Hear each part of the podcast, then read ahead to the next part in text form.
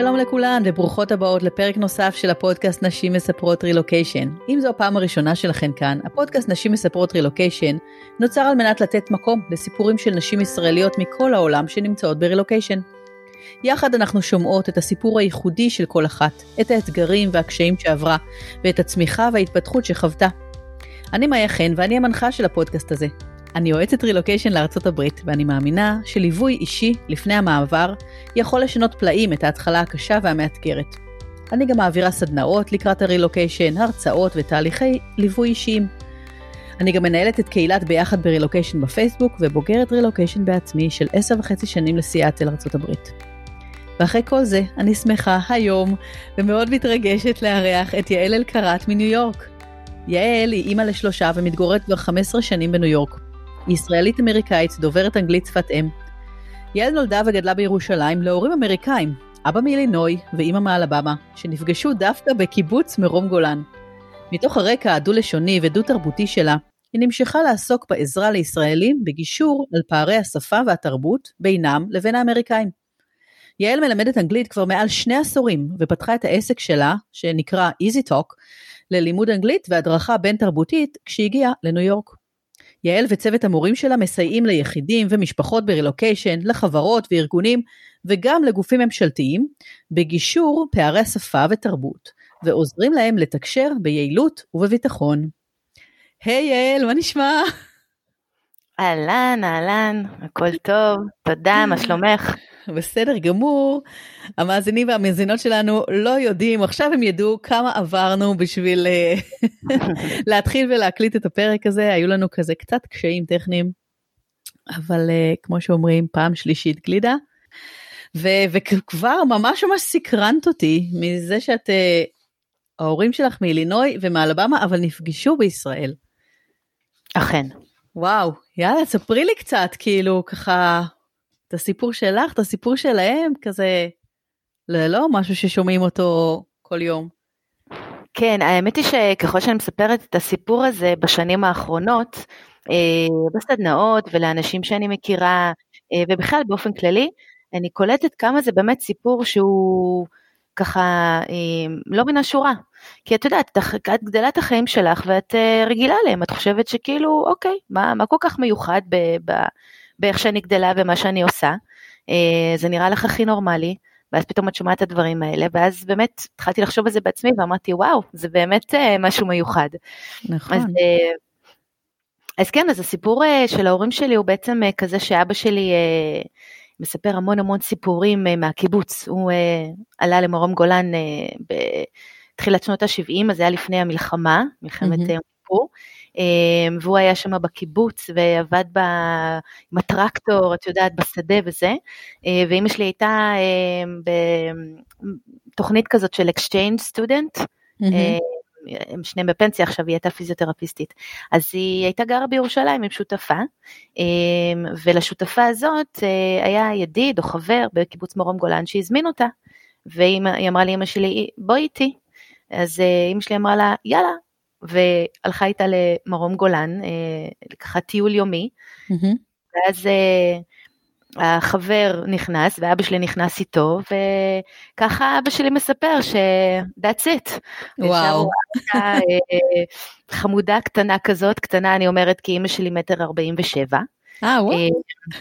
ואבא שלי מטר שמונים ושתיים, אז זה מעניין. זהו, ושם זה התחיל, ואז הוא לקח אותה אה, לטיול בטרקטור.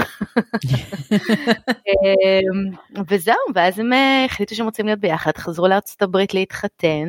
אה, אח שלי הגדול נולד פה, וכשהוא היה בן שנה, הם עשו עלייה לישראל, והם שם כבר 50 שנה. במרום גולן? לא, הם עלו לירושלים, ושם אני נולדתי וגדלתי. אוקיי, okay. וואי ממש מגניב שדווקא מכל העולם מכל ארצות הברית הגדולה הם בסוף נפגשו בישראל. נכון, נכון, ועוד בקיבוץ. את יודעת, עכשיו עם הקיבוצים, ובמיוחד מרום גולן, קיבוץ ככה מאוד אה, אה, מצליח, מה שנקרא, לפעמים אני אומרת לאבא שלי, אבא, למה לא נשארת בקיבוץ? הייתי עכשיו בת קיבוץ, מרום גולן, ברמת הגולן. אני מאוד מאוד אוהבת את רמת הגולן. אז איך זה היה לגדול בבית שככה, בעצם שני ההורים אה, נולדו בארצות הברית, אבל עכשיו חיים בישראל, אז באיזה שפה דיברתם? בבית? אז דיברנו באנגלית, אנגלית זאת השפה הראשונה שלי, אה, מהיום בו נולדתי, או בעצם מהיום בו, אה, את יודעת, התחלתי להיות בבטן של אימא שלי, מה שנקרא, כי אנחנו שומעים גם הכל שם, mm-hmm.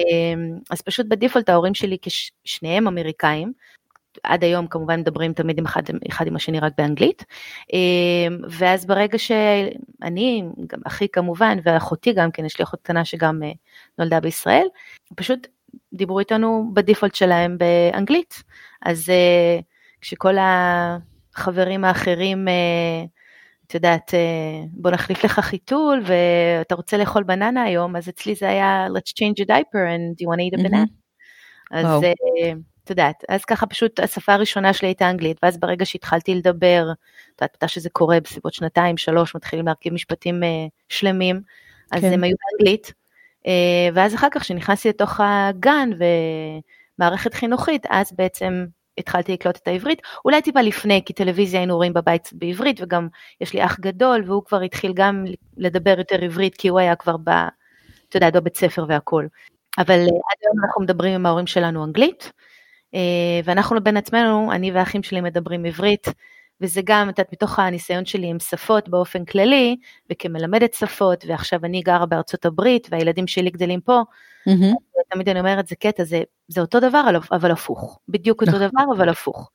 אה, נכון. אני מדברת עם הילדים שלי עברית, והם בינם לבין עצמם מדברים אנגלית. אז ממש אותו דבר, הפוך. הם עונים לך דרך אגב באנגלית, נגיד, שאת מדברת אליהם בעברית? אז זהו, שפה, האמת היא זה לא בדיוק אותו דבר, כי אנחנו עד היום מדברים עם ההורים שלנו באנגלית, אז זה משהו שהם, אה, את יודעת, מה, מהראייה שלי כיום, אה, שימרו מאוד יפה, mm-hmm. כילדים שגדלים בישראל ועדיין ככה מדברים עם ההורים שלהם אנגלית. ואצלי, לצערי זה לא מאה אחוז, אני לא יודעת אפילו זה קרוב למאה אחוז, אבל אני, הם, בוא נאמר, בעבר זה היה יותר קל כשהם יותר קטנים. נכון, ברור. אבל עכשיו הם לרוב עונים לי באנגלית, הם מבינים כמובן את כל מה שאני אומרת להם בעברית, והם בינם לבין עצמם כמובן אנגלית. כן, אני מאוד מכירה את זה, כי גם כשהילדים שלי היו צעירים, אז אנחנו תמיד דיברנו עליהם בעברית, והם ענו לנו גם בעברית, באמת הגדול שנולד פה אז עונה בעברית, אבל ככל שהם יורדים, את יודעת, באה הילדה האמצעית ואז את קטן, זהו, כבר עברנו לאנגלית. נכון, נכון, נכון. אז אה, מה שהיה גם אה, ככה מאוד מעניין בקטע של אה, בית אמריקאי ב- בישראל, אני באמת ככה גם את זה מציינת לא מעט פעמים, ש... ההורים שלי כאילו עברו לישראל, אבל עברו עם כל האמריקאיות שלהם. זאת אומרת, כאילו המנהלים, הבית שלי התנהל כבית אמריקאי לכל דבר, מאלף עד תף, mm-hmm. פשוט בישראל מבחינה גיאוגרפית. וואו. אמ, כן, אז, אה, אז זה, זה כל הדברים ש, של הדיפולט של לגדול בארצות הברית, אמ, החל מהחגים כמובן, מגיל אפס אני חוגגת טנקס גיבינג. הלואוין? הלואוין האמת היא שזה אה, לא משהו שחגגנו בישראל כי זה משהו שהוא יותר מקומי וזה mm-hmm. לא, זה לא, זה לא ממש אמריקאי, יש בזה רקע יותר דתי. כן, נכון. אבל אני מדברת על Thanksgiving כי האמת היא שלפעמים אנשים מתבלבלים עם Thanksgiving לא קשור לדת בכלל, נכון, זה נכון. לגמרי לאומי, זה לגמרי אמריקאי. לכן, לכן דרך אגב זה החג שהכי הרבה אנשים בעולם חוגגים אותו, בארצות הברית חוגגים אותו כי זה אמריקאי וזה לא קשור באיזה דת. אמ, אז Thanks uh, giving זה באמת חג ענק, וממש מגיל אפס, Thanksgiving, um, עכשיו בגלל ש Thanksgiving חוגגים בימי חמישי, ותמיד בארצות הברית הרי זה יום חופש, ובישראל זה לא יום חופש, אז אנחנו חגגנו תמיד את Thanksgiving ביום שישי בארוחת ערב. אה. אז, אבל תמיד זה היה, um, אבא שלי הולך... האמת היא עד היום שיהיה בריא, הולך לשוק, שוק מחנה יהודה בירושלים, אה, לעשות שם קניות ויש שם איזה אה, קצב, איזה בן אדם שהולך עליו כל שנה ושם הוא קונה את ה turkey הענק. וואו. ו... ואימא שלי מכינה את, את כל ה traditional, את ה cranberry sauce ואת ה turkey ואת ה stuffing, את ה cornbread stuffing. אז ממש המשכתם הכל ככה באמת. כן, ממש את, את כל, ה, את כל ה tradition, אז משנה לשנה ותמיד זה משהו גדול, מזמינים חברים וזה. וכמובן גם כן למשל את ה-4th of July barbecue. עכשיו, למה זה עוד פעם, ככל שאני פה יותר שנים, אני קולטת באמת את, ה, את, ה, את האותו דבר, אבל הפוך, כמו שציינתי קודם. Mm-hmm. כי לי מאוד חשוב פה בישראל לחגוג את יום העצמאות של ישראל כל שנה עם הילדים. אנחנו שמים את הדגל של ישראל מחוץ נכון. לדלת, ואנחנו עושים עוגה אה, לכבוד ישראל, ואנחנו עושים על האש. אז אצ, אצלנו עשו ברביקיו for 4th of July, ופה עושים על האש ליום העצמאות. אז כן. כאילו, כן. אז, אה, וכמובן האנגלית שבבית, ו... אני מדברת אה, גם הרבה פעמים על השבת בבוקר שאנחנו אכלנו pancakes and waffles and biscuits and eggs. עד היום זה מה שאנחנו עושים. כן, תקשיבי זה טעים. נכון. אמ, לא שארוחת בוקר ישראלית היא לא הכי טעימה בעולם, אבל אה, אז, אז בדברים הקטנים והגדולים האלה באמת בית אמריקאי לחלוטין, אבא שלי גם כן עכשיו בפנסיה היה מורה לאנגלית כל החיים שלו, אז אני אוקיי. התפוח, אני התפוח שנפל מאוד קרוב. אה, אחי ואחותי מתעסקים בדברים אחרים לגמרי, אבל אני התאהבתי בזה נראה לי מההתחלה. אה, נפל קרוב אבל עבר רחוק, כי בתכלס את עכשיו גרה בניו יורק והם בישראל, נכון? נכון, אכן אז כך. בוא, איך, אז איך זה הגיע לזה, איך זה הגיע למצב, ל, ל, לשלב הזה שעברת לארצות הברית, כאילו ידעת שתמיד תרצי לעבור לגור בארצות הברית? לא, האמת ממש לא. אמ, הילדות שלי בישראל הייתה נפלאה, אני תמיד אומרת אין כמו ילדות ישראלית. אמ, עד היום בהזדמנויות אה, רבות מודה להורים שלי שעלו לישראל וגידלו אותי שם. אני פשוט אה, ככה עשיתי מה שרוב הישראלים עושים, את יודעת, אחרי תיכון, צבא, אחרי זה הגל היורד בדרום אמריקה, אז אחר כך חזרתי לישראל ופגשתי אה, אז את בעלי, החלטנו שאנחנו אה, רוצים לנסות אמריקה, מה שנקרא. וזה היה אה, ממש אחרי שהילד שה... השני שלי נולד. הגדולה הייתה בת שלוש והוא בדיוק נולד. כמו אצלי. כן, והחלטנו שאנחנו רוצים, כמו שאמרתי, לנסות אמריקה, וחשבנו שזה יחסית יותר קל, כי יש לי ניירת, אמנם נולדתי כן. בישראל, אבל נולדתי להורים אמריקאים, אז היה לי אזרחות ככה אוטומטית. אמ, ובאמת, מבחינה הזאת זה היה די קל, אה, ה green card היה צ'יק צ'אק, ואז אה, קיבלו את האזרחות והכל. ואחרי, את יודעת, כמו הרבה מאיתנו, אנחנו מגיעים לפה ואומרים, טוב, בוא נראה מה קורה, שנתיים, ואז אחר כך אנחנו פה, 15 שנים כבר, והיד עוד כן. כי uh, כרגע אני אישית uh, לא רואה את עצמי uh, חוזרת, יש לנו פה uh, ילדים שהם כבר uh, ככה אמריקאים uh, לכל דבר, גדלו פה, החברים פה, החיים פה, uh, העסק שלי פה, ווואלה, נחמד פה. Mm-hmm. את הרגשת שהיה לך קל יותר בגלל שגדלת להורים אמריקאים, המעבר? תראי, זה קצת קשה להגיד, כי אין לי עולם מקביל בו לא גדלתי עם הורים, הורים אמריקאים. כן. אבל אני מדברת על כן, בהשוואה נגיד לסיפורים. כאילו, כן, את יודעת.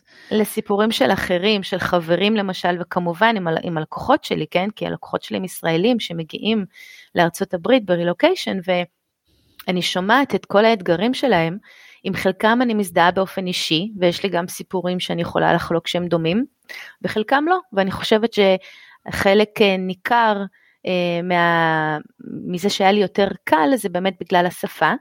אה, קודם כל באתי עם אנגלית שפת אם, ואת אה, בטח יכולה גם להעיד בעצמך, ואני עם המון המון אחרים, שהשפה זה משהו שיכול להוות איזשהו אתגר, בוא נגיד את זה ככה. מאוד, כן. כן.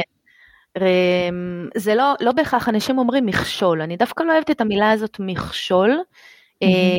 אלא בוא נשתמש באתגר, כי מכשול זה נראה כמו איזשהו משהו ששמה בשביל להכשיל אותי. נכון. ולא, זה שמה בגלל שזה פשוט שונה. אז uh, ברגע שמבינים את זה, אז גם יותר קל להתחבר לכל זה, גם מבחינת שפה וגם מבחינת תרבות שונה. Um, אז כן, היה לי הרבה יותר קל בגלל שבאתי עם האנגלית, ועוד פעם, לא רק עם האנגלית, אלא התרבות האמריקאית. עכשיו, זה מעניין, כי קוראים לי גם, מי שלא מכיר אותי, מעבר ליעל אלקרת, שאלקרת זה השם שלי מהנישואים, mm-hmm. אני ג'נפר רוז. נעים מאוד. נעים מאוד, אני זוכרת, סיפרתי את זה בפעם הראשונה, הייתי בשוק. כן. אז אה, אז את יודעת, אומרים שהשם של בן אדם זה משהו שככה יש לו המון המון משמעות. אמ, אני בצחוק לפעמים אומרת, את יודעת, אה, פיצול אישיות וכאלה דברים, כי מצד אחד אני ג'נפר רוז, nice to meet you, מאוד אמריקאית, ויש לי כאילו, את יודעת, את הניואנסים אמ, האלה יותר אמריקאים מבחינה תרבותית. ומצד שני אני יעל אלקראט מהשכונה, את יודעת, כיף. אני תוהה איפה, איך את כותבת את שמך ב Starbucks, כאילו את אומרת להם ג'ניפר רוז, את אומרת להם יעל, מבלבלת אותם פה. אז, אז זהו, שאני לא יודעת, נראה לי באופן טבעי פשוט זה התגבש בצורה כזאת שכל מה שקשור לארצות הברית, מבחינה פורמלית כמובן, ניירת, אה, את יודעת, כל מיני אקאונטים שאני פותחת, אה, כל מה שקשור לארצות הברית, אה, מבחינה פורמלית אני ג'נפר רוז. זאת אומרת, אין בארצות הברית ישות שקוראים לה מבחינה פורמלית יעל אלקרת. אין כזה דבר. אוקיי. כן. מבלבלת פה את הרשויות. כן, כן. ומצד שני, התעודת זהות שלי הישראלית, דרכון ישראלי, כל הדברים שקשורים לישראל הם, אה, הם יעל, אה, היו יעל רוז, כאילו, that's my maiden name. ואחרי הנישואים הפכו להיות יעל אלקרת. אז את יודעת, זה מצחיק, אני תמיד מספרת את הקטע הזה ש... אמ, שואלים אותך, את יודעת, איך קוראים לך, או what's your name, אז כאילו אין מה להסס פה, זאת אומרת, אף אחד לא מהסס על השם שלו, כאילו מה היה, נכון? אז, אז קרו מקרים, כאילו, את יודעת, שהיססתי לרגע, כאילו, רגע, מי שואל, מאיזו מסגרת, זה פורמלי, זה לא פורמלי, כאילו, את יודעת, מה אני אמורה לענות, am I Jennifer נכון. או שאני יעל? אמ, ו- ויעל למעשה, דרך אגב, זה השם האמצעי שלי בלידה, זאת אומרת, נולדתי ג'נפר, יעל, רוז. הבנתי. אבל מכיוון שגדלתי בישראל, אז כמובן שגדלתי יעל, יותר הגיוני. כן. כן. יואו, את זה, זה כבר בשם שלך, את מראה את השילוב הזה בין ה, באמת הצד האמריקאי לצד הישראלי שבך. זה פשוט מדהים. כן. ואני חושבת שזה כבר באמת, את יודעת, מראה גם את החלק התרבותי של השפה, שמה שאנחנו בעצם תכף נמשיך ולדבר עליו, אבל, אבל את הקשר הזה בין שפה לבין תרבות. לגמרי. קשר בלתי, בלתי נפרד וזה לגמרי הולך אחד עם השני, אי אפשר להפריד. כן, ממש. אז ספרי לי כזה, התחלת והקמת בית ספר, לא סתם להיות מורה לאנגלית, אלא ממש הקמת בית ספר ללימוד אנגלית ודגש על פער בין תרבותי. איך, איך הגעת לזה בכלל? אמ, איך מגיעים לזה? אז קודם כל, אמ, כמו שציינתי לפני זה, כל הקטע הזה של אהבה לשפות זה משהו שבא לי מהבית. עכשיו, לא רק בגלל שגדלתי כדו-לשונית, וגם, בוא נאמר, דו, אה, בבית דו-לשוני ודו-תרבותי גם, mm-hmm. אלא ספציפית גם בגלל שאבא שלי היה מורה לאנגלית. אז אה, היה, הבית סבב סביב העניין הזה של שפות, ואני זוכרת שהיינו יושבים סביב השולחן העגול בשבע בדיוק לארוחת ערב, כמו אמריקאים טובים. אז תמיד היו, זה היה אחלה זמן, עכשיו במיוחד ככה אה, רטרואקטיבית שאני מסתכלת על הילדות שלי וזה, אני מאוד מעריכה את הארוחות ערב האלה, למרות שהתבאסתי mm-hmm. אז, כי הייתי צריכה להיות בבית בשעה שבע ולא היה בא לי, כן, ברור. חברות, אבל עכשיו אני מאוד מעריכה את זה. אז היינו מתכנסים סביב השולחן, כמובן ארוחת ערב אה, טריה, אמא שלי בשלה כל ערב, והיינו יושבים שם סביב השולחן והמון דיבור על אה, מה עשיתם היום, אז כמובן שאנחנו מדברים על בית ספר, ואבא שלי מדבר על העבודה שלו, אה, תמיד היה אה, הסתלבטויות, אנחנו תמיד כן. אהבנו אה, לצחוק.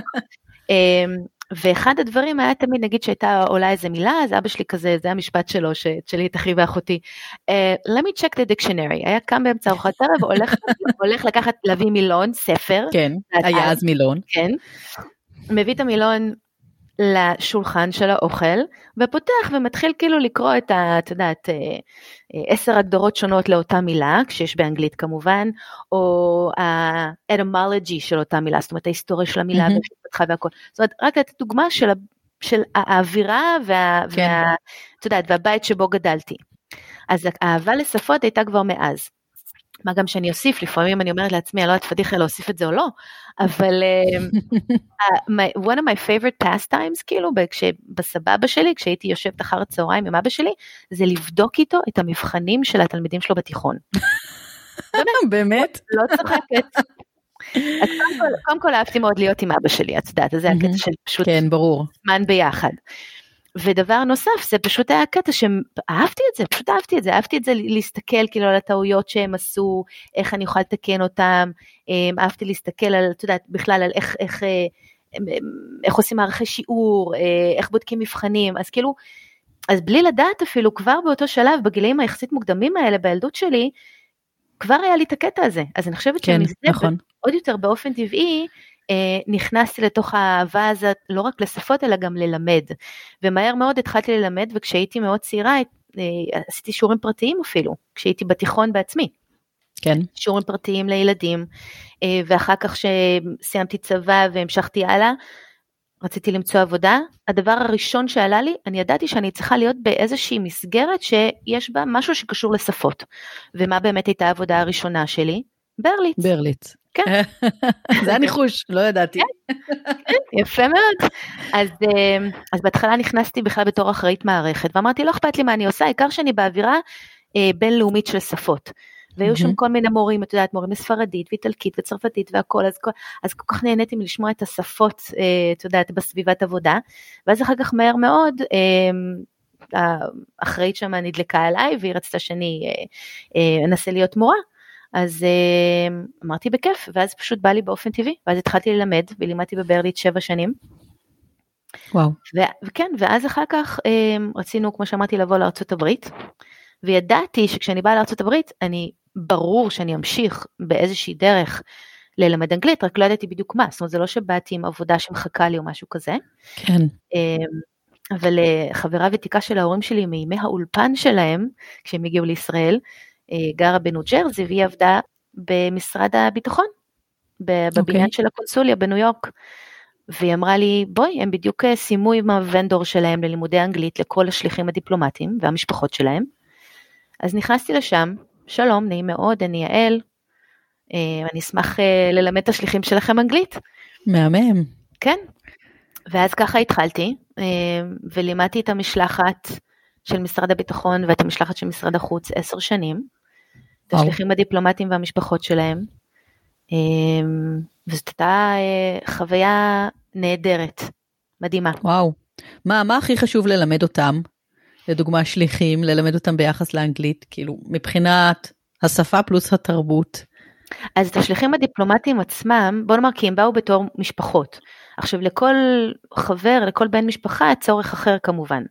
ובאמת אה, אז בזמנו, זאת אומרת אני התחלתי לבד, ואז באמת אה, גייסתי מורים, ויש לי עכשיו צוות נהדר, ואני תמיד מדברת עכשיו בלשון רבים אנחנו, אבל אז בזמנו זה היה אני. כן. אז uh, אני נתתי בעצם um, את, ה, את המענה לכל אחד מבין המשפחה לפי הצורך שלו.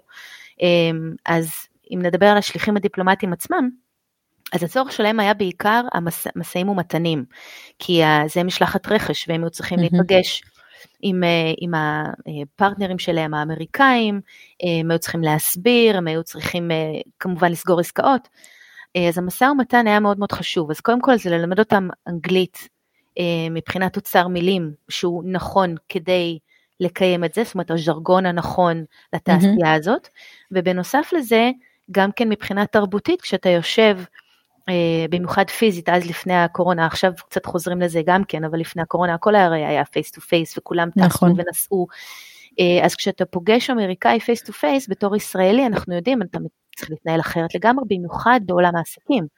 אה, אם אתה רוצה שזה יצליח. אז זה היה המון אה, אה, עבודה על גישור בין תרבותי במובן של, את יודעת, אפילו בעניין של שפת גוף, אפילו בעניין של סמולטוק כמובן, כמו יש לי סדנה מאוד ספציפית שבניתי לסמולטוק לישראלים, איך לקיים אותו נכון מול אמריקאים. וואי. עכשיו סקרנת אותי, לא עכשיו את חייבת לתת לנו איזה, אה, לספר קצת יותר על, ה, על הנושא הזה, על ככה טיפ כזה לסמולטוק או מה צריך לדעת כשאני פוגשת אמריקאי למישהו, את יודעת, למשא ומתן או למפגש עסקי או... כן. אז, אז, אז יש המון האמת, יש המון לסמולטוק, יש המון היבטים לזה, מה לעשות, מה לא לעשות, יש את הנושאים שהם טאבו אה, ש... ונושאים שהם, שהם אוניברסליים, אז נראה לי את הטיפ הזה אני אתן עכשיו, כי יש עוד מלא. משהו אה, אחד. כן, אז, אז אני חושבת שאחד הדברים החשובים בתור ישראלי זה לדעת מה טאבו בארצות הברית, כי זה מאוד שונה. את יודעת, בישראל, אני נותנת את הדוגמה הזאת הרבה, וכשאני נותנת אותה אז אני רואה תמיד את המשתתפים בסדנאות מהנהנים כזה מתוך הזדהות, שאת יודעת, ישראלי לישראלי, וגם, עוד פעם, זה לא כולם, אבל אנחנו מכלילים כי זה הנורמה בעצם, שאנחנו רגילים אליה. אז כשנגיד אנחנו מדברים על בית שקנינו, אז זה מאוד לגיטימי שישראלי שהוא לא דווקא חבר קרוב ישאל אותך כמה עלה לך הבית, או, mm-hmm. או את יודעת, את לובשת משהו ומחמיאים לך, ואז, ואז שואלת אותך אה, מאיפה זה, כמה עלה לך. אז כאילו יש הרבה שאלות שהן לגיטימיות, ואנחנו בתור ישראלים גם עונים בדרך כלל בכיף, כאילו לא רואים כן. בעיה בשאלה הזאת. אה, אבל אה, זה שונה לגמרי עם אמריקאים, אצל אמריקאים זה נושא שהוא נחשב טאבו לדבר על כסף וממון. אמ, אז יכול להיות, את יודעת, ישראלי לאמריקאי שרוצים לשבור את הקרח, small talk לפני שעושים עסקים, אז מדברים על, אה, בדרך כלל אמריקאים מדברים על דברים שהם אוניברסליים, שזה הצד השני, זה דברים שהם לא מחייבים, זה דברים שלא מביעים בהם דעה ספציפית, אז אתה לא יכול, את יודעת, להיקלע למצב לא נעים, כי אתה לא מביע דעה, אתה מדבר על משהו שהוא ניטרלי. מזג אוויר? כן, בדיוק, מזג אוויר וספורט, אלה שני הדברים העיקריים בארצות הברית, אה, ובמיוחד שאתה נמצא ככה ב East Coast, אז יש הרבה לדבר על מזג האוויר, כי זה משתנה אה, המון, יום ליום. אמ, ובאמת אמריקאים זה נראה שהם ניחנים ככה, את יודעת, נולדו עם, ה, עם הכישרון הזה לסמולטוק.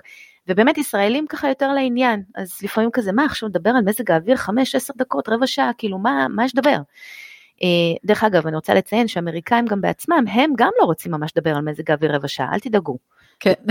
הם פשוט טובים בסמולטוק, אבל תמיד הולכים לתכלס בסופו של דבר. אז לדאוג לא אה, לשאול כמה עלה משהו, או לא רק לשאול, אלא גם לא לדבר על, עליכם. נגיד, את יודעת, מחמאות, אני אומרת גם בסדנאות, אם מישהי מחמיאה לי למשל על החולצה, that's a beautiful shirt you're wearing. אז את יודעת, mm-hmm. אוטומטית לפעמים יכולה להגיד, אה, זה, וואי, איזה קטע, זה קלאס, זה כולה חמש דולר בזה, את יודעת. כן.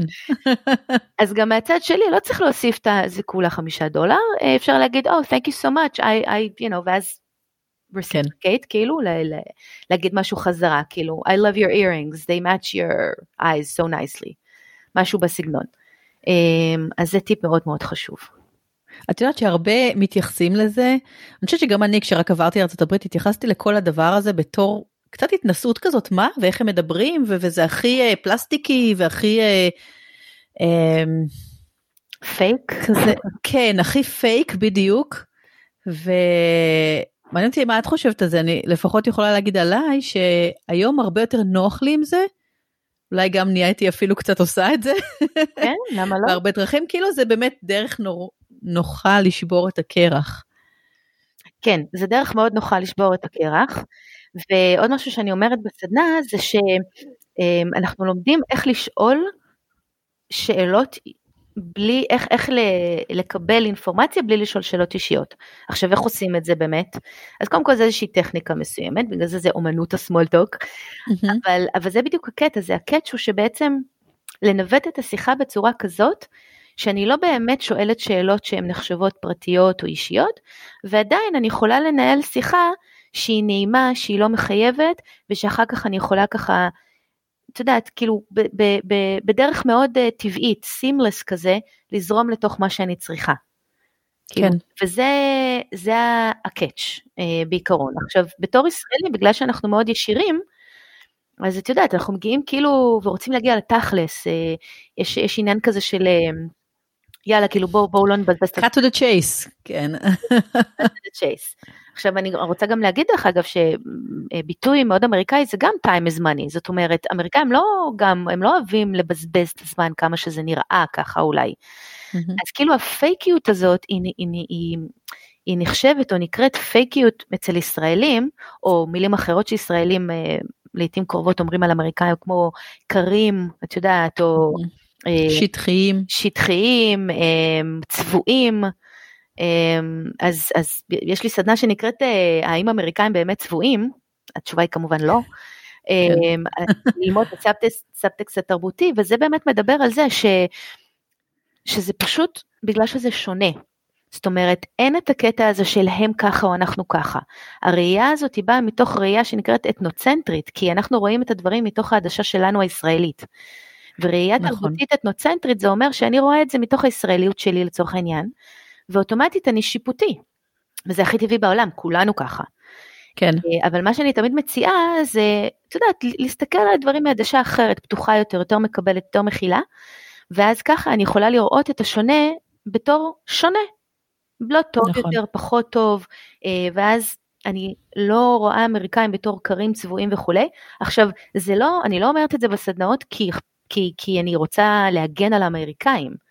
זה לא הכוונה, זאת אומרת, mm-hmm. אני יותר אומרת את זה בשביל הישראלים, כדי ייגשו לאינטראקציות האלה בצורה יותר אה, נינוחה ובצורה יותר חיובית, כדי שהאינטראקציה שלהם תהיה מוצלחת והם ישיגו את המטרה שלהם. כי אתם לא רוצים אה, ליצור אה, אנטגוניזם כזה מהצד השני. אז ברגע שאתם באים בגישה כן. כזאת, את יודעת, את יודעת, זה, מה שאת אומרת עכשיו נשמע לי אה, כמו משהו חשוב לחיים בכלל, לא משנה אה, עם מי את מדברת. זאת אומרת, להבין שלך יש נקודת המבט שלך, והיא שלך, והיא הכי בסדר בעולם, ויש למישהו אחר יש נקודת המבט שלו, וזה הכי בסדר בעולם, וצריך לבוא ככה, את יודעת, לאיזושהי שיחה, בוא נגיד ככה, נכון. לא ישר לבוא בצורה שיפוטית. לגמרי, בגלל זה אני, בגלל זה אני גם משווה את זה, אמ, אני משווה את זה לקטע של אה, זוגיות. את יודעת, בני או בנות זוג.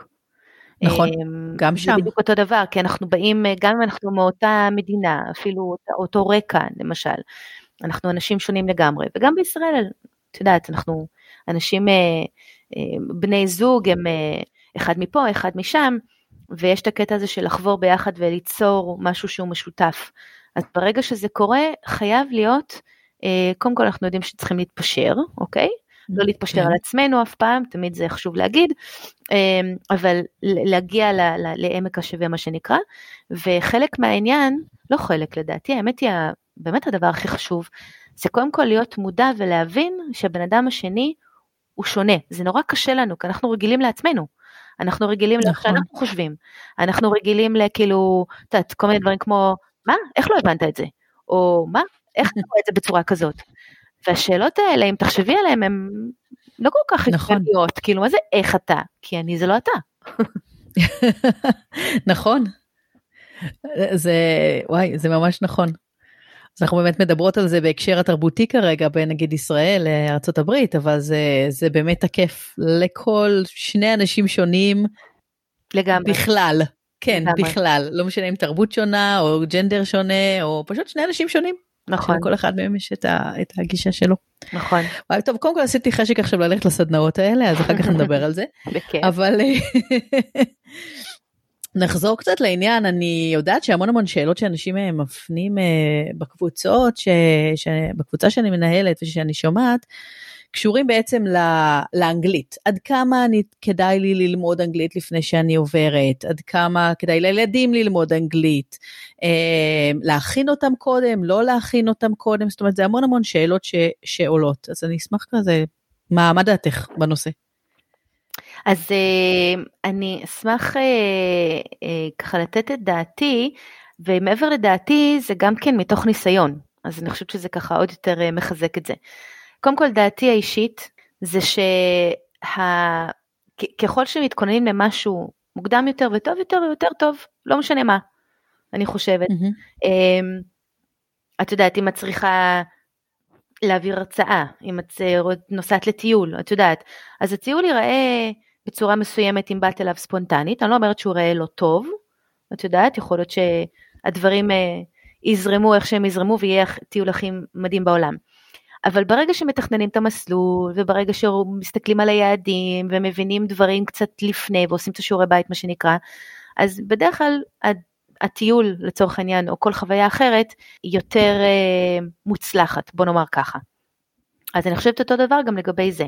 אז כן, אני ממליצה אה, באופן אישי, וגם ככה מתוך הניסיון המקצועי שלי, ל- ל- להתכונן מראש כמה שאפשר, גם לכם וגם לילדים, אה, גם להורים. וגם לילדים, אה, להתארגן על ללמוד אנגלית. עכשיו, לא בקטע של, לא בלחץ, כי אנחנו לא רוצים לעשות שום דבר בלחץ. אה, כן. אני חושבת שכדאי לעשות את זה, בדרך כלל אנשים יודעים שהם עושים רילוקיישן, אני מתארת לעצמי, את יכולה גם לדייק יותר בעניין הזה בטח, לפחות שנה מראש, הייתי אומרת. לפעמים חצי שנה, אולי זה לא... כן, חצי שנה הייתי אומרת כזה, זה נשמע, את יודעת, יכול להיות שאתה מדבר על זה וחושב על זה הרבה זמן, אבל חצי שנה זה כבר נשמע ממש... אה, נכון. אז ברגע שיודעים שעוברים והדברים ככה כבר מסוכמים ומתחילים לעשות את הצעדים לקראת, אז אחד מהצעדים זה באמת למצוא איזשהו אה, אה, מורה או איזושהי מסגרת שבאמת יכולים לתרום אה, מבחינת האנגלית. עכשיו, זה לא כמובן לצפות שבחצי שנה או בשלושה חודשים, מה שזה לא יהיה, גם אם נפגשים יחסית אינטנסיבית, אה, כמובן אף אחד לא מצפה להיות דובר שפת אם ולא קרוב לזה, תלוי כמובן כן. באיזה רמה הוא מתחיל, כן? אבל לדעת שזה דברים שלוקחים זמן, אבל מה שטוב, ובמיוחד בשביל הילדים, זה כדי שיהיה להם, תהיה להם היכרות יותר עם ככה, אפילו הצליל של השפה, למי שחדש mm-hmm. לזה, זאת אומרת הצליל של השפה, איך דברים מתנגנים באנגלית, אה, להתחיל להתרגל למילים מסוימות שחוזרות על עצמם ושיחזרו על עצמם במסגרת שהם יהיו בה. Mm-hmm. ואז באופן אוטומטי ברגע שנופלים, אני בכוונה אומרת את המילה הזאת, לתוך המסגרת הזאת, אז יש דברים שהם כבר מזהים, יש דברים שהם יכולים להאחז בהם, ואז ההתחלה נכון. יותר קלה. אה, זה לא אומר שאם לא יוצא לכם לתת את האנגלית הזאת לילדים, אז לא לעבור, או שמשהו מחריד יקרה, ממש לא. כן. הכל יהיה בסדר, כי במיוחד עם ילדים שאומרים שהם מסתגלים מהר, אני אומרת כן, מצד שני לא לקחת את זה כמובן מאליו ולא להתייחס לילדים, אתה יודע, תמיד יש את האיזון נכון. הזה של המשפטים האלה. כן, ילדים מסתגלים מהר, ובאמת תוך כמה חודשים, ואת יודעת גם בעצמך, אה, מה היה שהילדים בסוף מדברים אנגלית יותר טוב מההורים. ברור. יחסית, יחסית מהר, פחות משנה בדרך כלל, תלוי באיזה גיל, אבל בדרך כלל הם כבר מדברים ככה, שולטים בשפה בצורה מעולה ומתחילים לתקן את ההורים בבית. אז כן, אני כן ממליצה אה, להתחיל כמה שיותר מראש, ולתת אה, רקע של דברים פרקטיים כמה שיותר, שדברים שהם ייתקלו בהם. זאת אומרת, אה, לא להתחיל ללמד כמו שמלמדים במסגרת בבית ספר בכיתה א' או ב'. גראמר וכזה. כן, כן, לא להתחיל עם איפה לשים את ה-ing ואיפה לשים את הזה, להתחיל עם דברים הכי בסיסיים מבחינת שפה. ככה מתחילים ללמד שפה. מה הדבר הראשון הרי שאנחנו עושים כשאנחנו פוגשים מישהו? זה קודם כל מתחילים את עצמנו, נכון? כן, נכון. איך בכלל אני אומר, היי, my name is.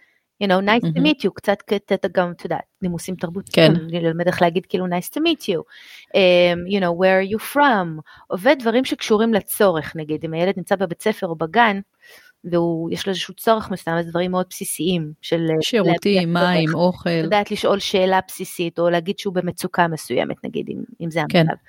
כן, ו- ואז באמת כשמגיעים לפה, הייתי, הייתי כן ממשיכה עם העזרה הזאת, הרבה בתי ספר נותנים עזרה של ESL, או למצוא באמת אה, איזושהי מסגרת אה, פרטית, ולהמשיך עם זה פה, ו, ואני חושבת שהדבר הכי חשוב זה באמת ההתמדה, כמו בכל דבר.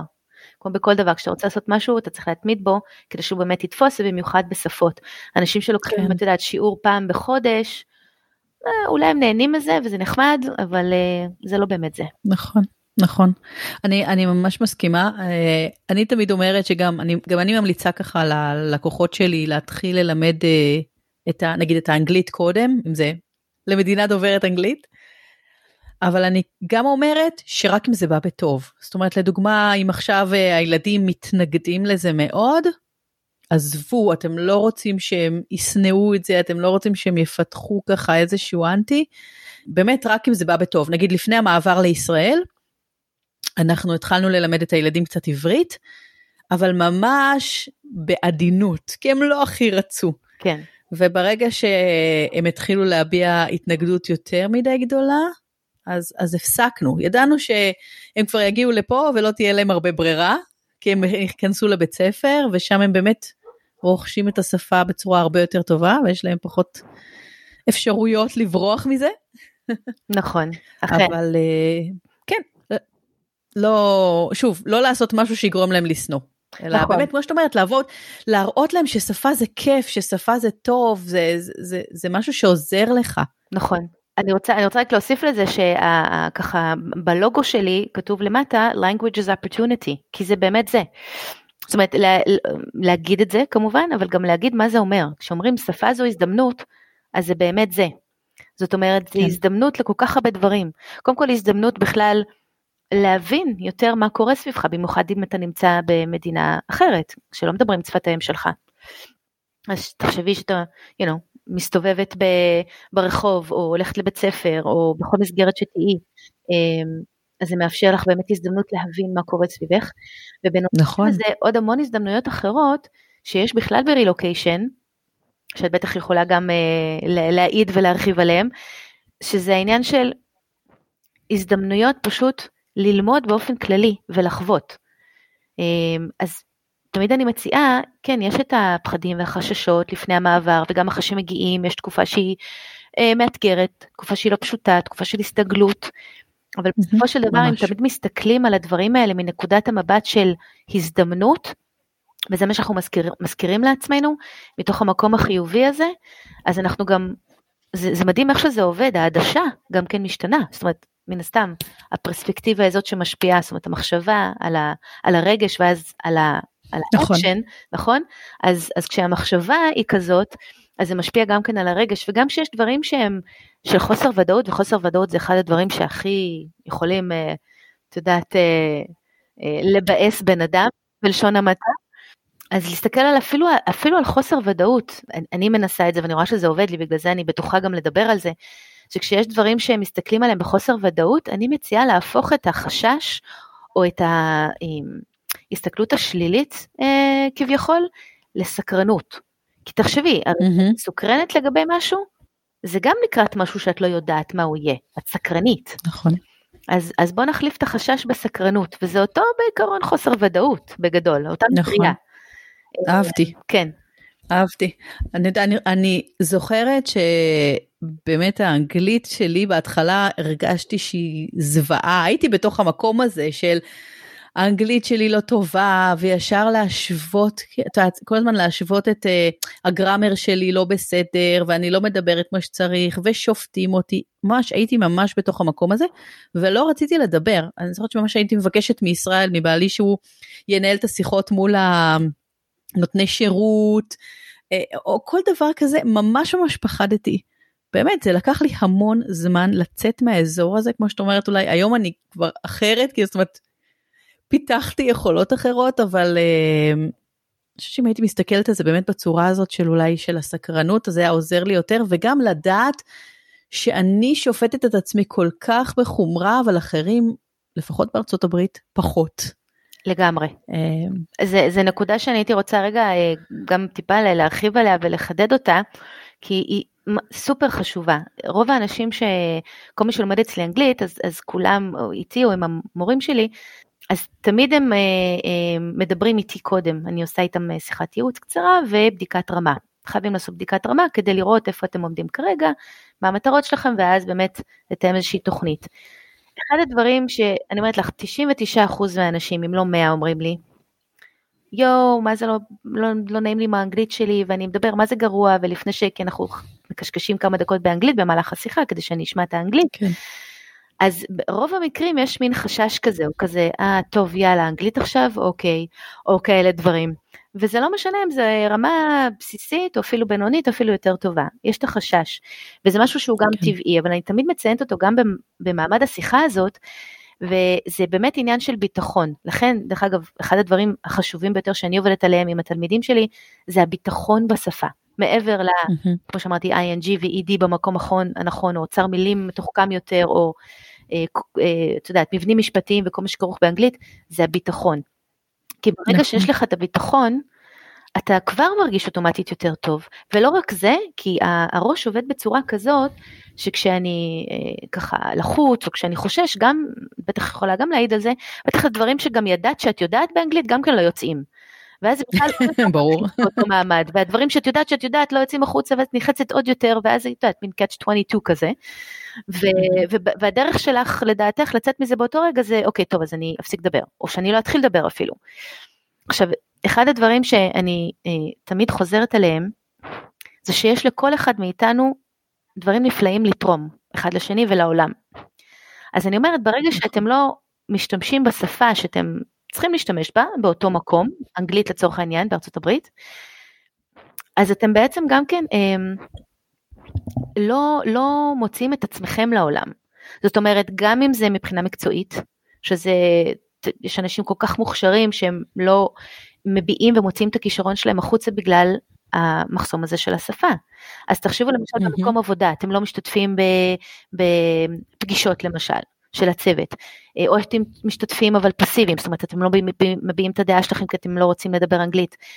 נכון. אז תחשבו כאילו כמה בעצם אתם יכולים לתרום וכמה אה, החברה, העמיתים שלכם, החברים שלכם בעצם מפספסים ומפסידים ממה, מהטוב שאתם יכולים לתרום. זה גם איזושהי דרך שאני מסתכלת על זה, וכשאני אומרת את זה לפעמים לאנשים, אז הם כזה, וואי, טוב, מתוך, הצור, מתוך הצורך ה, או הרצון הטבעי שיש לכולנו באמת לעזור אחד לשני, אני באמת מאמינה בזה, כמה שזה כאילו מהמם. לפעמים לא מרגיש ככה, אבל ברגע שמישהו מבקש עזרה, תמיד אנחנו נרתמים. אז, אה, וחשוב לזכור את זה גם הפוך, שתמיד נרתמים, אז גם לא להתבייש לבקש עזרה, כי כמו שאתם תמיד צריכים כן. לתת, אחרים גם ייתנו. אז בהקשר הזה באמת, להרגיש את, ה, את הביטחון הזה. עכשיו, זה קל להגיד, ואיך עושים את זה? מבחינתי זה לתרגל, לתרגל, לתרגל, לתרגל, לתרגל. אני חושבת שברגע שהתחלתי, נגיד שהייתי ה-PTA president, והתחלתי לדבר ולדבר ולכתוב ולכתוב ולכתוב, ולא הייתה לי ברירה, אז השתפרתי. אבל הנה, שימי לב, זה... מה זה לא הייתה לי ברירה? מי, מי שם את עצמו בסטטוס של PTA president? מי בחר? אני. בדיוק. אז כאילו לא הייתה לך ברירה, אבל הייתה לך לגמרי ברירה, זאת אומרת, בחרת בטח לעשות נכון. את זה מתוך ידיעה, אולי מודעת או לא מודעת, שזה משהו שיאפשר לי, או יכריח אותי, מה שנקרא, ולא בקטע רע, לדבר אנגלית וככה אני אשתפר. אז זה אחלה שאמרת את זה, כי זה בדיוק מה שרציתי להגיד, לשים את עצמכם be out there, לשים את עצמכם במצבים שבהם תצטרכו mm-hmm. לדבר אנגלית, ולא מתוך מקום של וואי אני חייב ואני לחוץ, אלא מתוך מקום שוב של ההזדמנות. תפתחו הזדמנויות. ואתם תראו שהאנגלית שלכם קודם כל הרבה יותר טובה ממה שאתם חושבים, כי אנחנו תמיד שופטים את עצמנו כמו שאמרנו לפני זה, ותמיד מורידים כן. את עצמנו יותר ממה שאנחנו באמת, וזה גם באנגלית קורה. ודבר נוסף, אה, מתוך זאת אומרת, זה, אני תמיד מגבילה את זה נגיד אה, לנגן בכלי מוזיקלי, זאת אומרת, אתם רוצים להשתפר בפסנתר, זה לא מספיק לקרוא על פסנתר בספר, זה לא מספיק לראות מישהו אחר מנגן, אוקיי? אתם צריכים לשים את הידיים על הקלידים ולנגן. עכשיו, נכון. זה יצא עקום בהתחלה, זה יצא עם זיופים, זה יצא איך שזה יצא, אבל זה בסדר, כי ככל שאתם רואים את זה, אתם יודעים גם כן במה אתם פחות טובים ויכולים לשים על זה את האצבע ולתרגל את זה יותר אם אתם רוצים בצורה אקטיבית גם כן כמובן תמיד אפשר לקבל עזרה מקצועית ולקחת מורים וכולי. וגם הקטע הוא, אני תמיד אוהבת לדבר על האזור ההוא של ה- you don't know what you don't know. את יודעת. אז כאילו האזור הזה כן. מתחיל להיות קטן יותר ויותר ברגע שאתם פותחים את עצמכם להזדמנויות, כי אתם פותחים את עצמכם לדברים שאתם לא יודעים, ואז מגלים שאתם יודעים עכשיו שאתם לא יודעים אותם. if that makes sense. כן. כן זה קצת זה קצת כזה את יודעת זה פילוסופי יותר. כן אבל, אבל אם נשים את זה כאילו במונחים פרקטיים זאת אומרת יש דברים באנגלית בטח שהגעת, שאפילו לא ידעת שאת לא ידעת. מבחינת דקדוק. מבחינת איך שאומרים דברים, מבחינת סלנג, מבחינת, את יודעת, אה, ווקביולרי, מילים, למדתי כל כך הרבה מילים מלא, חדשות. מלא מילים, מלא מילים. עכשיו, ואיך את בעצם למדת אותם? איך את יודעת, איך, את, איך, איך בעצם נחשפת אליהם? על ידי כך שיצרת אינטראקציות. אז גם אם את לא אמרת נכון. אותם בעצמך, שמעת אותם. כי יצרת שיחות, יצרת הזדמנויות נכון. להקשיב ולשמוע. וברגע שאת שומעת מילה עוד פעם ועוד פעם ועוד פעם, מבחינה... כן. מחקרית גם כן אפשר לשמוע מילה נגיד 16 פעמים ואז זה משהו שנכנס לתוך הראש אז מצד אחד כאילו זה נשמע מלא okay. אוקיי. אבל מצד שני בואו תיצרו הזדמנויות. נכון. אני חושבת שעוד אחד מהדברים שיכולים מאוד לעזור, או לי לפחות מאוד עזרו, היה לדוגמה פודקאסטים. זאת אומרת שהקשבתי המון המון המון לשפה האנגלית. אז באמת בפודקאסט, או סתם בטלוויזיה, הורדנו את הכתוביות בעברית ושמנו רק כתוביות באנגלית, דברים כאלה mm-hmm. שבעצם כל הזמן להיחשף לשפה. נכון, נכון. יש לך עוד איזה הצעות כאלה? כן, קודם כל אני יודעת שלא יאהבו לשמוע את זה, אבל לבטל את הערוץ הישראלי. אנשים שמגיעים לפה לארצות הברית, או נגיד מקום אחר בעולם, אבל לארצות הברית לצורך העניין, מגיעים לפה ובסביבה ישראלית מדברים עברית בעבודה, מדברים עברית עם הילדים. מדברים עברית עם ההורים בארץ ועם המשפחה, מדברים עברית עם החברים שפה, כי סובבים סביבם חברים ישראלים, מקשיבים למוזיקה בעברית ומקשיבים לטלוויזיה וכל האאוטלטים השונים בעברית. כן. כל ההגדרות במחשב ובטלפון בעברית. פחות, פחות מה שנקרא. נכון, ווייז. ווייז, נכון, שווייז דרך אגב פחות טוב פה מאשר בישראל, אז בואו נכון. כאילו, Waze לא ממש הכי טוב פה. אז אני אומרת, קודם כל, אני יודעת שזה, אני יודעת שמבחינת ההרגשה של ההזדהות והשייכות זה קשה, במיוחד שרק הגענו לפה. יש את התחושה הזאת של אני, זה נותן לי להרגיש שייך איכשהו. כן, נכון. וזה מובן. הקטע הוא ש-in the long run, ולא רק in the long run, in the short one אפילו גם כן, זאת אומרת בטווח הקצר יותר אפילו, זה משהו שהוא ככה סותר בעצם את המטרה, או, או, או סותר את, את, את ה... זאת אומרת, אני בעצם שמה לעצמי כביכול רגליים. כי באמת, נכון. כדי לקלוט ולהכיל ולהבין ולהתחיל להשתמש מבחינה אקטיבית אה, בשפה וגם מבחינה תרבותית, זה כמה שיותר להיחשף אליה. אז להקשיב כמה שיותר, כמו שאמרת, פודקאסטים, להקשיב לטלוויזיה באנגלית, וגם התרגום, כמו שאמרת, לא תרגום בעברית, לשים תרגום באנגלית. עכשיו, התרגום באנגלית יותר קשה מבעברית, אבל התרגום עצמו מקל באופן כללי, אז אם כבר תרגום אז נכון. באנגלית. ודרך אגב, תרגום באנגלית גם כן עוזר מאוד ללמוד spelling, כי spelling באנגלית זה מכה. אז, נכון. אז ברגע שאתה שומע מילים יחד עם לראות אותם, אתה שומע את המילה ואז אתה אני שמעתי את זה מתלמידים שלי, אחרי שנתתי להם את ההצעה הזאת ואת הטיפ הזה והם התחילו לעשות את זה, אמרו לי, וואי, פתאום אני קולט שהמילה הזאת בכלל כתובה ככה, איזה קטע. ואז אתה לומד נכון. גם spelling. אז יש בזה בכלל... את יודעת שהיום אני בכלל לא יכולה לקרוא כתוביות בעברית, לא מסוגלת, זה מציק.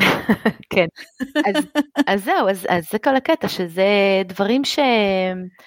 שנראים כאילו וואו, עכשיו את מי שמקשיב לזה אומר אה, אפילו מציק לי, או דברים שאנחנו התרגלנו להם, או כמו שאמרת לפני זה, איזה שהם אה, ככה אה, דפוסים, דפוסי התנהגות שקשורים לתרבות האמריקאית, שאחרי כמה זמן אפילו לא רק התרגלנו אליהם, אפילו אימצנו אותם, דברים שאנחנו נכון. החלפנו, משהו שהיינו עושים בתור ישראלים, שעכשיו אנחנו עושים אותם שהם בעיקרון בכותרת שלהם אמריקאים. אבל זה לא באמת משנה מה זה נקרא, זה פשוט נקרא, נגיד אם אה, אני אומרת את זה כאילו אני יעל, אז אני אומרת זה פשוט יעליות. אני היעלי, אני יצרתי לעצמי יעליות, את יודעת, ואת יצרת לעצמך נכון. מאיות או מה שזה לא יהיה, כי את לוקחת את מה שמתאים לך, לא לוקחת את מה שלא מתאים לך, וזה לא משנה מאיזה תרבות זאת, זה משהו שמתאים לך. וכן, ומי שברילוקיישן, ישראלי שמגיע לרילוקיישן, מקבל אה, דברים מסוימים שמעצבים אותו והופכים אותו להיות מה שהוא. זה לא פחות טוב, זה לא יותר טוב, זה כלום. נכון. זה, you're just you, you're just being you. את יודעת, זה היופי ברב תרבותיות, שאת יכולה להחליט מה את מאמצת. אה, לתוכך, מתוך אה, התרבויות שאת רואה, ו- ואחר כך גם מה את מוציאה החוצה.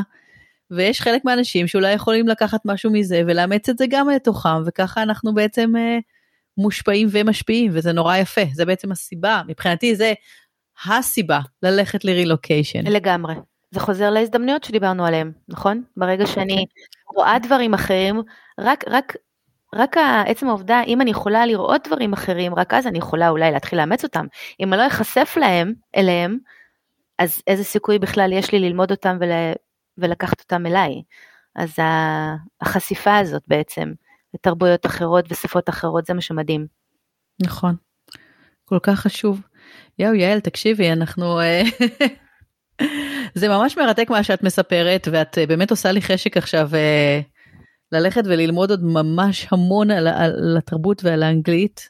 אבל אנחנו בגלל שאנחנו מתקרבות פה לסוף של הפרק וזה נורא נורא עצוב כי איך שעה עוברת נורא מהר מאוד אבל אנחנו צריכות באמת להתכוונן כזה לסיום אז אני אשמח אם תוכלי לתת לי, או בעצם למשפחה שעוברת עכשיו, מה המסר שלך, או מה ככה היית ממליצה להם באמת לעשות לקראת הרילוקיישן שלהם.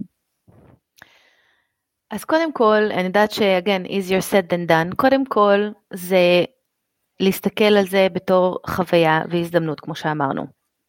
כי ברגע שמסתכלים על מה שעומד לקרות לנו, את יודעת, בגישה החיובית יותר, אז אנחנו גם פועלים באותו רגע מתוך תדר חיובי, מתוך מקום חיובי. נכון. אם אני, אם נעמיס על עצמנו, את יודעת, הקטע הזה הכבד של צריך לעשות את זה ואת זה ואת זה ואת זה, זה, זה יהיה הסנטימנט, זאת תהיה ההרגשה שלנו, וההרגשה שלנו היא הדבר הכי חשוב, זה מה שמוביל אותנו קדימה. אמ, אז קודם כל להסתכל על זה בצורה כזאת.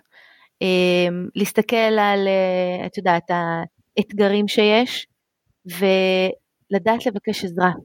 כי את יודעת, ברגע שאנשים, גם לפני שמגיעים לפה וגם אחרי שמגיעים לפה, לפעמים את יודעת, את רואה אה, פוסטים בפייסבוק שלפעמים אומרים, אני, אני, אולי אני לבד בזה, או אולי אני, או אני מקווה שאני לא לבד בזה, ואז את יודעת, את רואה איזה 458 כן. תגובות של, אני בדיוק, את לא לבד. לא לבד, זה בדיוק קרה לי. אז קודם כל, כמה שאני יודעת שבטח חזרו על זה ואמרו את זה, זה לדעת שאתם לא לבד, ומעבר לזה, להרגיש באמת בנוח לבקש עזרה, כי הרבה אנשים חוו את זה כבר, יכולים לתת מחוות הדעת שלהם, כמובן כל אחד יש לו את החוויה שלו, אז מצד שני גם לא לקחת חוויה של מישהו אחר בתור, את יודעת, set in stone, וזה לא בהכרח מה שיהיה לכם. כן. אבל, נכון. אבל כן אפשר לקבל את ההמלצות ואת ההצעות, גם מבחינה לוגיסטית, אה, וגם מבחינת איך להרגיש ומה כדאי להתייחס ופחות להתייחס. ואני חושבת שחשוב גם להבין שאתם משפחה, אבל כמובן לא לשכוח אה, נשמע אולי מצחיק, אבל לא לשכוח שאתם בנויים מבני משפחה, שכל אחד נכון. בגיל אחר, בחוויה אחרת, בציפיות אחרות, ב... קצב מרגיש משלו. משלו, מרגיש אחר, אז באמת ל- ל- להקדיש את הזמן הזה עם כל ה... שוב, כאילו כאוס הזה שאתם מרגישים שאתם נמצאים בו, אבל זה לא צריך להיות כאוס, אה, לתת באמת את, ה- את היחס לכל אחד, וכמובן אל עצמכם. אם אנחנו מדברים אל נשים אה, באופן ספציפי, אז לתת לך באמת גם את הזמן שלך להבין מה קורה עם עצמך ולעכל את מה שקורה עם עצמך, אז זה קודם כל. עכשיו, מעבר לזה, זה גם העניין הזה של ההכנה שאמרנו לפני זה, אז לא בלחץ, מהמם. אבל לעשות כמה שאפשר מבחינת נגיד הכנה לקראת אנגלית, לצורך העניין הברית ומבחינה תרבותית, אז לעשות את הבדיקות של איפה אני יכול באמת אה, לקבל כמה שיותר אינפורמציה ואיפה אני יכול לקבל כמה שיותר עזרה. כמובן שוב, אה, אני פה עם, ה, עם העזרה שאני יכולה לתת, אה, אני מלמדת ועושה הכל אונליין, אז אני יכולה להגיע לאנשים בישראל, ואני באמת ממליצה לעשות את עבודת ההכנה אה, כמה שיותר טוב, בלי לשגע את עצמכם. עכשיו, איפה הקו הזה עובר? רק אתם יודעים. איך אתם יודעים שאתם משגעים את עצמכם? כשמתחיל להיות לא נעים, כשמתחיל להיות לחץ, כשמתחיל להיות, את יודעת, הכאבים האלה בבטן, ואז זה הסימנים האלה, בכל דבר שאנחנו מהמם. איך אנחנו יודעים שמשהו לא מתאים לנו? בואו נקשיב רגע לגוף. אז להקשיב לגוף נכון. ולראות איפה אתם נמצאים, לנשום עמוק שלוש פעמים, הנשימות הן underestimated, ו- ולבדוק למי אני יכולה אה, לפנות, את מי אני יכולה אה, לשאול משהו מסוים, למי אני יכולה לפ- לפנות לקבל עזרה. כן. וואי. כל כך הרבה עצות, נראה לי הרגתי אותך שאמרתי לך מסר אחד, היו פה איזה 20. כן, אבל אני- אה, מתעסקת בזה יותר מ-20 שנה ופשוט מאוד אוהבת גם לדבר על זה וזה לא נמאס לי, כן. אז, אה, כן. יש לי הרבה מה להגיד. זה בסדר, אני מאוד מבינה אותך ואני מזדהה ועם כל דבר ודבר שאמרת פה, שזה בדיוק העניין הזה של אה, להבין שאתה לא לבד בתוך זה, כי, כי באמת יש אנשים שכבר חוו ואפשר ללמוד מהם ולקבל מהם כמובן את מה שמתאים לך באותו רגע, אז זה הכי הכי בסדר ומסרים מעולים מעולים. אה, אז עכשיו אם מישהו באמת מתעניין ב- בלימודי אנגלית, או מתעניין בניו יורק, או ב... אה, את יודעת, כל אחד מהדברים שאת עושה בקורסים האלה שדיברת עליהם, איך אפשר למצוא אותך? אז כמובן שאפשר למצוא אותי, ב, את יודעת, באאוטלטים הרגילים שכולנו נמצאים בהם כל הזמן, אה, בפייסבוק, אה, באינסטגרם, אה, בלינקדאין, אה, יש לנו אתר, שם יש גם אינפורמציה על מה שאנחנו עושים בעזרה למשפחות ברילוקיישן, גם כן מבחינת אנגלית עסקית, אם משפחות מגיעות לפה מטעם עבודה אפילו יחידים, אמ, ולא דווקא מגיעים לפה, זאת אומרת גם אנשים שיושבים בישראל, גרים ולומדים, סליחה, ועובדים בישראל, הם כמובן צריכים גם כן אנגלית, אה, ולדעת איך להתנהל מול אמריקאים בעבודה שלהם אה, מישראל. וכמובן אה, מי שרוצה לפנות אליי לקבל איזושהי עצה או המלצה, באמת אני תמיד אומרת, גם אם אתם לא הופכים להיות תלמידים שלי, גם אם אנחנו לא מתנהלים עסקית ביחד, אני, גם מתוך הניסיון שלי וגם גם מתוך היותי רילוקיישנית, אומנם אולי טיפה אחרת, כי באתי עם האנגלית ואמריקאי, אבל לא לטעות, גם אני קיבלתי הלם תרבותי כשהגעתי לפה, כי לא גדלתי אף פעם בארצות הברית. אז מתוך הניסיון האישי שלי, באמת הרצון להקל ולעזור, תמיד אפשר לפנות אליי עם כל שאלה בלי שום קשר. מהמם, וואי, תודה רבה רבה, אני מבטיחה לשים את כל הכישורים האלה לכל הדברים שאמרת, ככה בתיאור של הפרק ובבלוג שלי כזה שאני אה, שמה את הפרק. וזה היה מרתק, מרתק, מרתק, באמת. ועשית לי חשק עכשיו ל- ללמוד עוד על התרבות האמריקאית, ממש. בטח לקראת זה שעכשיו אני הולכת לעבור שוב לארצות הברית. אז uh, הנה, זו פעם ראשונה שאמרתי את זה בפודקאסט, את יודעת? אה, יפה. למרות שיש יש סיכוי שעד שהפרק יצא אני כבר אהיה מאוד קרובה למעבר. כן. אבל uh, כן. כן, וזה גם קטע, את יודעת, אנשים שעשו רילוקיישן כמה פעמים, אנשים שנמצאים פה כבר 10 או 15 שנים, שהצטרפו לסדנאות שלי, אפילו עם, עם, עם דברים מוכרים, או אתם חושבים שאתם יודעים אה, אה, יחסית הרבה, שאתם כן, שזה נהדר, יש תמיד עוד, יש תמיד עוד ניואנסים, עוד חוויות, נכון. עוד אינטראקציות שאולי לא נתקלתם בהם. אמ, אז, אז, אז תמיד להיות עדיין אה, פתוחים וקשובים, ואת יודעת, אף פעם לא לחשוב שאנחנו יודעים הכל, כי מי שחושב שיודע הכל, לא לומד. נכון, מסכימה במאה אחוז, תמיד יש עוד מה ללמוד, כן. תמיד.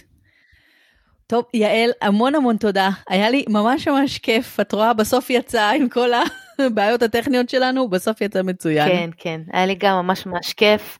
שמחה שסוף סוף הצלחנו. אני, את יודעת, כמו שאמרתי מלא פעמים, אני יכולה לדבר על שפה ותרבות שעות. בסדר?